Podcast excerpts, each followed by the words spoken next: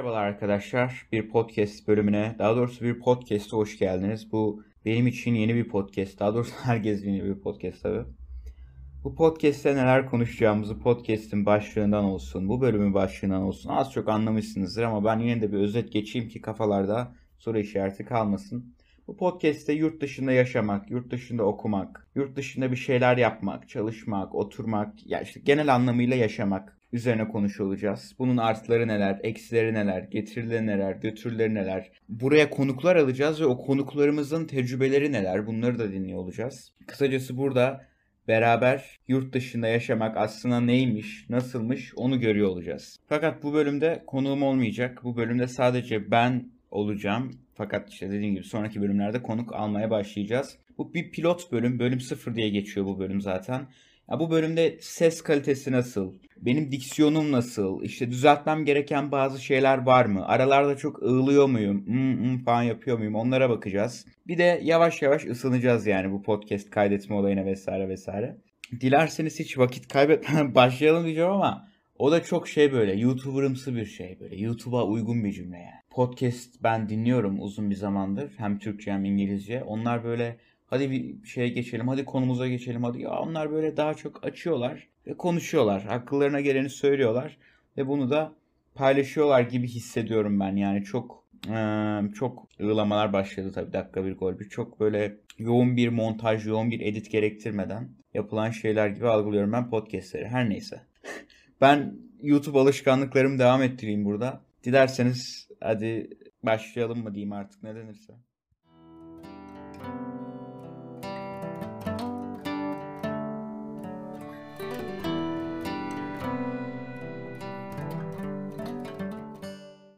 bu bölümün konusu yurt dışına gitmek. O yapılan ilk yolculuklar. Ben Amerika'ya okumak için gittiğimde 15 yaşındaydım. Lise için gidiyordum. İlk benim okyanus aşırı seyahatim o. Yalnız başıma gitmiştim. Hiçbir arkadaşım yok, hiçbir tanıdığım yok. Yani onun öncesinde de yurt dışına çıkmıştım tabii ama ya böyle okul gezisiyle falan gitmiştim. Onun ondan yani onun dışında pek bir yurt dışı deneyimim yoktu. Hani hiç yalnız başıma bir yere gitmemiştim mesela ya da hiçbir yere yaşamak, okumak için gitmemiştim daha önce ve o benim için bir ilkti. Bir ne denir ona Türkçesi e, bir mihenk taşı mı denir? Öyle bir şeydi yani. Aktarmalı gitmiştim. Yani ilk önce Fransa'ya gitmiştim. Oradan Amerika'ya e, geçmiştim. Avrupa aktarmalı gitmiştim. 15 yaşındaydım. Sene 2019'du. Hmm, 10. sınıfa başlayacaktım ve Eylül'ün başı gibiydi. Biraz geç gidiyordum okula işte. Hostayla bulunamamıştı falan filan gibi değişik olaylar olmuştu.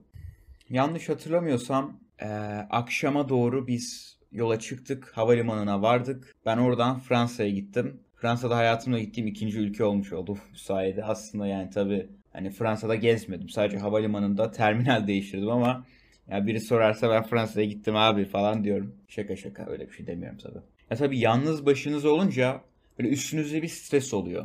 Ya bu bu kimse bunu bence reddetmeyecektir diye düşünüyorum. Bu tecrübeyi az çok yaşayan herkes benimle aynı kanıda olacaktır. Şimdi öyle bir şey ki ben o güne kadar yani hiçbir şekilde bir İngilizce tecrübem yok diyebilirim. Yani daha önce İngiltere'ye gitmişim gelmişim ama böyle başıma bir şey gelse onu anlatacak kadar bir tecrübe edinememişim. Yani ne demek istiyorum burada? Şunu demek istiyorum. Atıyorum uçağı kaçırdım. Ya ben bunu nasıl anlatacağım bilmiyorum. Yani teoride biliyorum ama pratikte nasıl olacak, nasıl ifade edebilirim kendimi en ufak bir fikrim yok. Ha başıma gelseydi bir şekilde helpdesk'teki insanlarla anlaşabilir miydim? E, tabii ki anlaşırdım ya. O ayrı bir mesele de.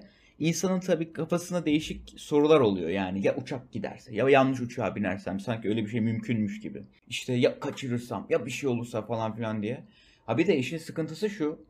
Avrupa aktarmalı gittiğim için yani, av, yani benim izlediğim rotayı takip eden başka bir Türk yok. Yani başıma bir şey gelse ve derdimi anlatacak bir Türk arasam onu da bulamayacağım büyük ihtimalle. Neyse işte bu sorular kafamda böyle dönüp dolaşırken ben bir şekilde Fransa uçağına bindim. Fransa uçağından Fransa'ya gittim. Fransa'da pasaport kontrolünden geçmedim çünkü aktarmalı uçuş yapacağım için direkt e, transfer e, flight bölümüne gittim. Kapımı buldum, oturdum ve beklemeye başladım. Ya bekliyorum, bekliyorum, bekliyorum. Canım da sıkılıyor. İşte gittim su aldım, bir şey yaptım. Yine bekliyorum falan filan. İşte e, hostesler geliyor, gidiyor, uçağa biniyor falan filan derken. sıkıntısız bir şekilde uçağa bindim. Uçağa yani Amerika uçağına bindiğim anda zaten benim yolculuğumun böyle bir %25'i kafamda tamamlanmıştı. Hatta daha doğrusu en zor kısmı tamamlanmış diyebilirim. Çünkü ben hep şey falan diyordum işte Paris'te havalimanında kesin kaybolacağım. Fransa aktarmasında kesin bir sıkıntı çıkacak. Ben yanlış kapıda bekliyor olacağım. Kapıyı kaçıracağım son anda işte yetişemeyeceğim falan filan gibi böyle garip garip şeyler aklıma geliyor. İşte neyse uçağa bindim bir şekilde oturdum. E, hatta hiç unutmuyorum yanında da iki tane kadın vardı. Üçlü koltuklarda oturuyorduk. Onlar da Güney Afrika'dan e, Amerika'ya gidiyorlardı sanırsam işte, turistik şey için. Ve 9 saatlik zor bir uçuşun ardından yani zor diyorum çünkü benim hep böyle uçak yolculukları özellikle okyanus aşırı olduğu zaman yani gözümde büyür. Ay hadi bitsin hadi bitsin yani hiç hiç şey yapmam yani böyle uçağa uçağa binmekten çok haz aldığımı söyleyemem çünkü o yolun ya ya bu sadece uçak için geçerli değil. Araba yolculuğu yaparken de ben uzun yol hiç sevmem hiç gelemem yani. İşte bir şekilde Amerika'ya indim. Amerika'ya indik. Kapıdan çıktım. Hiçbir şekilde bir sıkıntı yok. Ne bir delay var ne bir şey var. Pasaport kontrolünden geçtim. İşte bagaj sıkıntıydı. Bagajı aldım. Daha doğrusu neden ona? Valiz mi diyorlar? Valizi aldım. Valizi verdim falan falan. Ondan sonra gittim bir şeyler yedim. Karnımı doyurdum biraz. Ondan sonra kapıda beklemeye başladım. Sonra bir uçuş daha yaptım. Amerika içerisinde. Sonra sıkıntısız bir şekilde gideceğim destinasyona Oklahoma'ya vardım. İstanbul'dan Paris'e, Paris'ten Atlanta'ya, Atlanta'dan Oklahoma City, Oklahoma City'den de Stillwater'a yani, yani Oklahoma City'den Stillwater'a şey olmadı. Ee, uçakla yolculuk yapmadım onu bayağı arabayla yaptık. Hostayla bıraktı sağ olsunlar. Daha doğrusu geldiler havalimanına şehir değiştirip böyle falan filan halletmiştik. Ve ilk okyanus aşırı seyahatim bu böyle tamamlanmış oldu. Şimdi asıl macera şimdi başlıyor. Çünkü ben Amerika'dayken Mart ayının başındaydı yanlış hatırlamıyorsam ki doğru hatırlıyorum evet. Kimse kim unutabilir yani 2020'nin başlarından bahsediyoruz. İşte Thanksgiving geçmiş, Noel gelmiş geçmiş, yılbaşı olmuş, okul başlamış, birkaç ay geçmiş Mart ayının başındayız. Bu koronavirüs olayları çıktı derken biz de o zaman March break'teyiz denk geldi.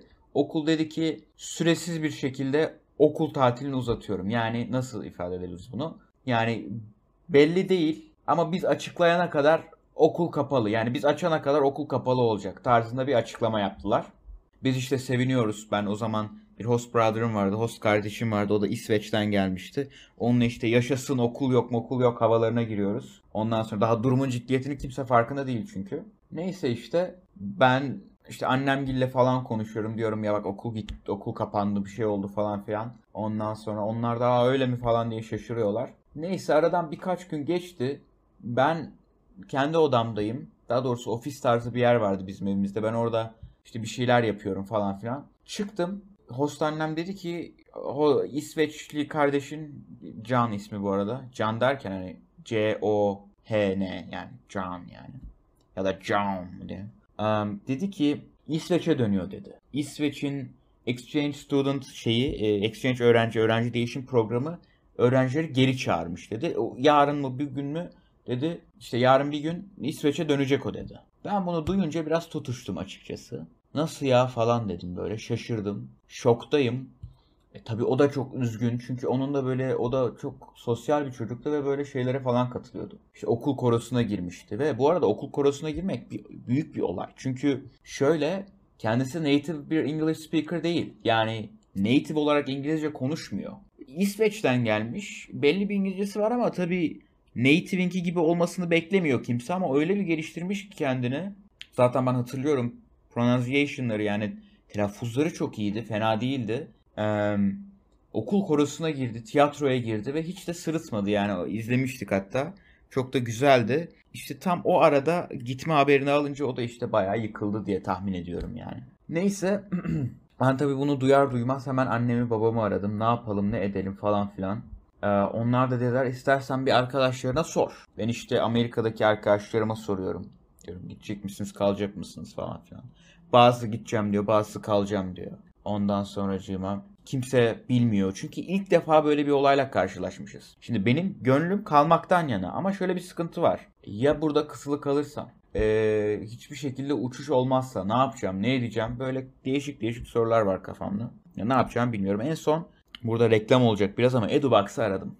EduBox'da tabii orada da bir telaş var. Çünkü yani böyle olaylar, böyle pandemi olayları 100 yılda bir olan şeyler. Yani onun için kimse ne yapacağını bilmiyor. kim herkes böyle bir acemi e, ama Edubox sağ olsun story falan da paylaşıyordu. İşte e, hatta hiç unutmuyorum o story çok çok çok önemli benim için yani. Demişlerdi ki ne olursa olsun hangi agency hangi işte şeyle giderseniz gidin yurt dışı eğitim şirketiyle giderseniz gidin. Eğer Türkiye'ye dönmek istiyorsanız bize ulaşın bir şekilde e-mail olur, DM olur, Instagram'dan işte arayabilirsiniz. Biz size yardımcı oluruz tarzında inanılmaz bir story atmışlardı. Ya bu hani ya ne var lan falan diyorsunuz büyük ihtimalle ama yani gerçekten büyük bir olaydı bence. Büyük bir yardım olayıydı yani. Ee, buradan da dinliyorlarsa selam olsun onlara. Hadi bak Safa abi. Ondan sonra. Neyse işte ben aradım. Dedim böyle böyle ben ne yapacağımı bilmiyorum. Ondan sonra onlar da sağ olsunlar dediler ki tabii onlar da bilmiyor ne yapacağını. Doğal olarak yani ama yine de soğukkanlılar falan. Dediler ki yani dön istersen dönebilirsin. İstersen de orada kalabilirsin. Biz şey yaparız. Takibini yaparız. Ben benim yine kafam karışık.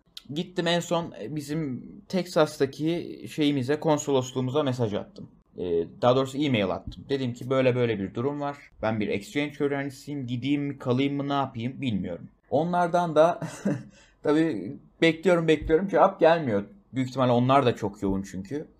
Yani ne yapacağımı bilmiyorum falan filan. Neyse yattım abi. Uyandığımda dedim ki yani lütfen dedim Allah'ım dedim bana bir yol göster. İşte sabah oldu kalktım falan derken ben kararımı verdim. Dedim ki ben en son artık gideyim.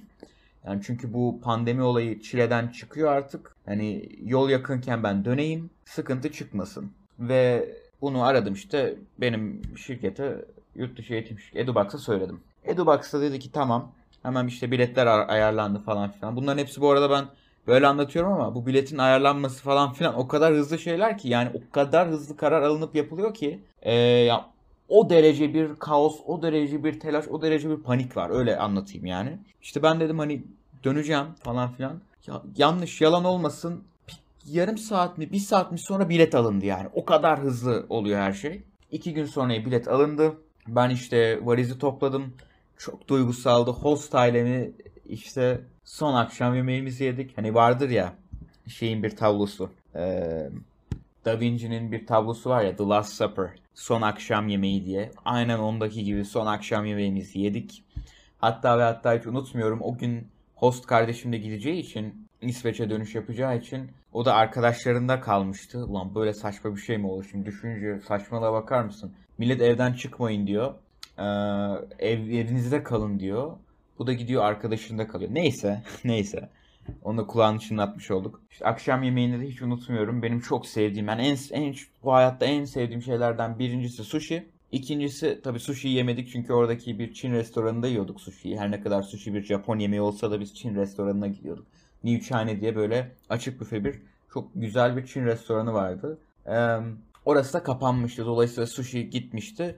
Marketten gidip e, donmuş e, cheese pizza yani peynirli pizza aldık. Onu yedik. Ve ertesi günde yine e, yola koyulduk. Tabii ben Stillwater'da yaşıyordum o dönem. Oklahoma City'ye geçmemiz gerekiyor. Yolda yanlış hatırlamıyorsam ya uzun bir yol öyle söyleyeyim. E, hatta şu an hemen bir kontrol edeyim ben. tamam inanılmaz uzun bir yol değilmiş ama yine yani fena sayılmayacak bir yol işte. Ee, yaklaşık 100 kilometre 80 kilometre civarı 1 saat 3 dakika falan sürüyor. Hatta hiç unutmuyorum o sabah işte benim host ailemin bir arkadaşları bana maske bulunmuyor ki o dönem yani. Nereden bulacaksın maskeyi? Maske takma zorunluluğu diye bir şey de yok uçakta. Ee, uçakta da maske vermiyorlar. Yani çünkü daha pandemi ilk başlamış yani. İlk başlarındayız. Daha kimse ne yapacağını bilmiyor. Bana maske yollamıştı. Maske bulamıyorduk çünkü biz o dönemde. Hiçbir yerden alın yani her yerde her şey out of stock yani. Hand sanitizer yani en basit el dezenfektanı bile bulamıyoruz. Çünkü neden? Stokta yok. Kalmamış. Bitmiş. İşte o da bana böyle 3 tane böyle N95 maske yollamıştı. N95 de yani en, en iyisi. Top of the list yani. Neyse işte biz Oklahoma City'ye gittik. Havalimanına girdik. Havalimanında uçağımı bekledim ben. Beraber bekledik daha doğrusu. Sonra vedalaştık. O an onları son görüşümdü. Daha sonrasında hiç in person bir şekilde yani fiziksel olarak görmedim onları. Hep Zoom'dan konuştuk ama her ay mesela hala demek o kadar bazen insan nasıl desem bazen işte böyle denk geliyorsunuz arkadaşlar. Yani bunu ben 17 yaşında diyorum ama bazen bazı insanlarla denk geliyorsunuz ve o insanlar sizi hiç hiç bırakmıyor. Siz de onları hiç bırakmak istemiyorsunuz. Benim Amerika'daki hostile'ım aynen öyle insanlardı. Yani çok iyi insanlardı ve ben hala onlarla her ay mutlaka bir kere şey yaparım. Onları ararım ya da onlar beni arar. Görüşürüz yani Zoom'dan vesaire olsun. İşte Oklahoma City'den Texas'a gittim. Benim minik bir aktarma. Ondan sonra da tabii şunu da eklemem lazım buraya. Bunu unutmamam lazım. Giderken Oklahoma City'den ayrılırken son bir kez baktım böyle kulağımda da şey kulaklık var şey çalıyor. Bu Forrest Gump'ın bir müziği vardır ya. Dı dı dı dın dın dın. Açın bakın Forrest Gump Suite diye bir şey olması lazım. Spotify'da dinleyin ya da işte Apple Music'te yani ne kullanıyorsanız. Dinleyin bakın dediğim şeyi anımsayacaksınız. Böyle. Dı dı dı dın dın dın dı dın dın. Birkaç gün önce de Forrest Gump izlemiştik onlarla beraber. Onun da etkisi var böyle duygusal bir takım anlar böyle. Ondan sonra işte Texas'a indim. Texas'ta uçağıma gittim. Ondan sonra Türkiye'ye indik. Türkiye'ye indik. İşte pasaport kontrolden geçtim Türkiye'de falan. Pasaport kontrol dediğim ya ne denir ona gümrükten geçtim. İstanbul Havalimanı'ndayım. İstanbul Havalimanı'ndan da annemi babamı aramam lazım. Abi benim sim kartım çalışmıyor. Amerika'daki hattım takılı. Çalışmıyor abi telefon. Yani no service. Wi-Fi'ye bağlanamıyorum çünkü Wi-Fi'ye bağlanmak için de ya şeyi kullanacaksın, pasaport kiosklarını kullanacaksın. Onları da bulamıyorum pasaport kioskunu. Telefon numaranı yazacaksın, ona bir SMS gelecek, o doğrulama kodunu girip Wi-Fi'ye bağlanacaksın. Ben ikisini de yapamıyorum. Neyse gittim danışmaya dedim ya abi ben şey yapabilir miyim? Annemi arayabilir miyim dedim. Oradaki abi de yani onun da şeyini almayayım, günahını almayayım. Herhalde izin vermiyordu ya da işte ne bileyim şey değildi yani. Hani yasaktı diye düşünüyorum. Yoksa bir insan niye izin vermesin ki buna? Hani dedim telefonum çalışmıyor. Annemi babamı aramam lazım. Haber vermem lazım falan filan. Yok. Arayamazsın dedi. Yanlış hatırlamıyorsam şey İstanbul Havalimanı'nda bir DNR vardı. DNR mıydı? Farklı bir dükkan mıydı? Şeyde değil yalnız yani. E, duty free'nin olduğu kısımda değil de onun dışarısındaki kısımda. Herhalde öyle bir yer vardı gibime geliyor. DNR tarzı ya bir küçük dükkanlar vardı bu yemek yenilen. Yani bu bilet alınan yerin olduğu yerdeki o terminalde böyle şeyler vardı. İşte oraya gittim abi arayabilir miyim falan filan. O da hayır olmaz dedi. Ne yapayım abi dedim yani nasıl olacak falan filan. O da dedi ki bak dedi alt kata in dedi. Alt katta Vodafone Turkcell var dedi. Oradan git dedi yeni hat çıkarttır dedi. Ondan sonra onu arayabilirsin. Ulan yeni hat çıkarttırsam aktif olmasını bekleyeceğim bir şey yapalım. Yani Çıldıracağım. Havalimanına 4 dönüyorum. Uçağımın kalkmasına da az kalmış. Neyse en son o pasaport kiosklarını buldum İstanbul Havalimanı'nda. Ee, okuttum. Ondan sonra bir şekilde iletişime geçip hallettim. Yani bir kabus gibiydi. Ondan sonrasında zaten e, indiğim bölgede valizimi aldım. İçinden telefonumun kutusunu çıkarttım. Oradan Türkiye'deki sim kart çıkarttım taktım falan. Baya bir olay oldu. İşte bu şekilde koronadan, e, korona bitmişti. Yani daha doğrusu korona başlamıştı ve ben ben de bu şekilde korona yolculuğum ulan nasıl bir cümle oldu? Cümleyi kurtaramıyorum abi. Yanlış cümle kurdum. Kusura bakmayın.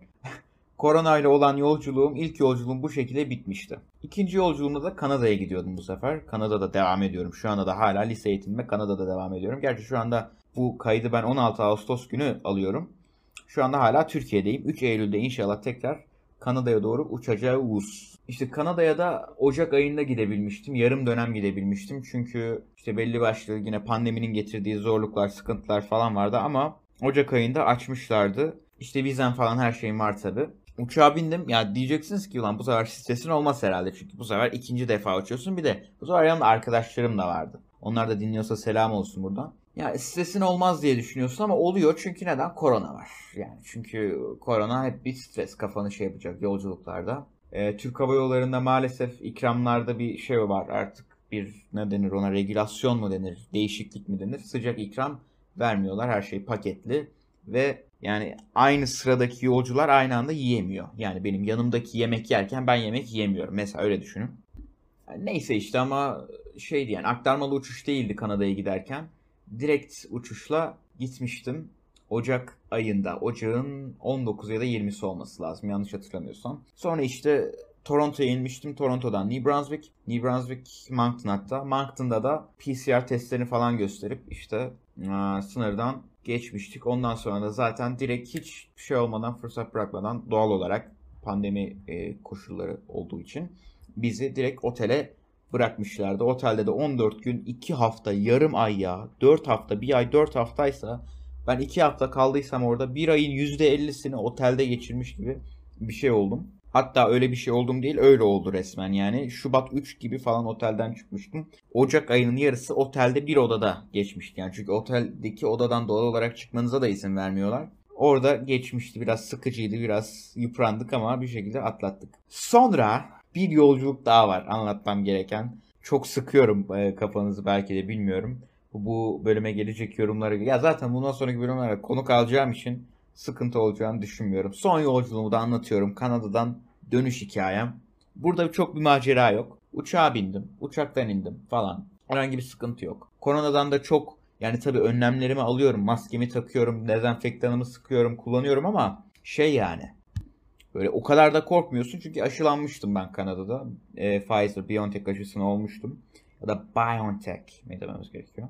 Eee Ondan sonra işte sıkıntısız bir şekilde yine direkt bir uçuşla İstanbul'a indim. Yalnız İstanbul'da şöyle küçük bir sıkıntı oldu. Benim uçağım Montreal'den kalkarken yani Kanada'dan kalkarken Moncton'dan Montreal, Montreal'den İstanbul gibi bir rota izliyordum. Montreal'den kalkarken bir saat rötar yedik. Bu bir saat rötarın belli başlı e, götürüleri oldu. Bunlardan bir tanesi de benim İstanbul Havalimanı'ndan yapacağım uçuşu kaçıracak olmamdı.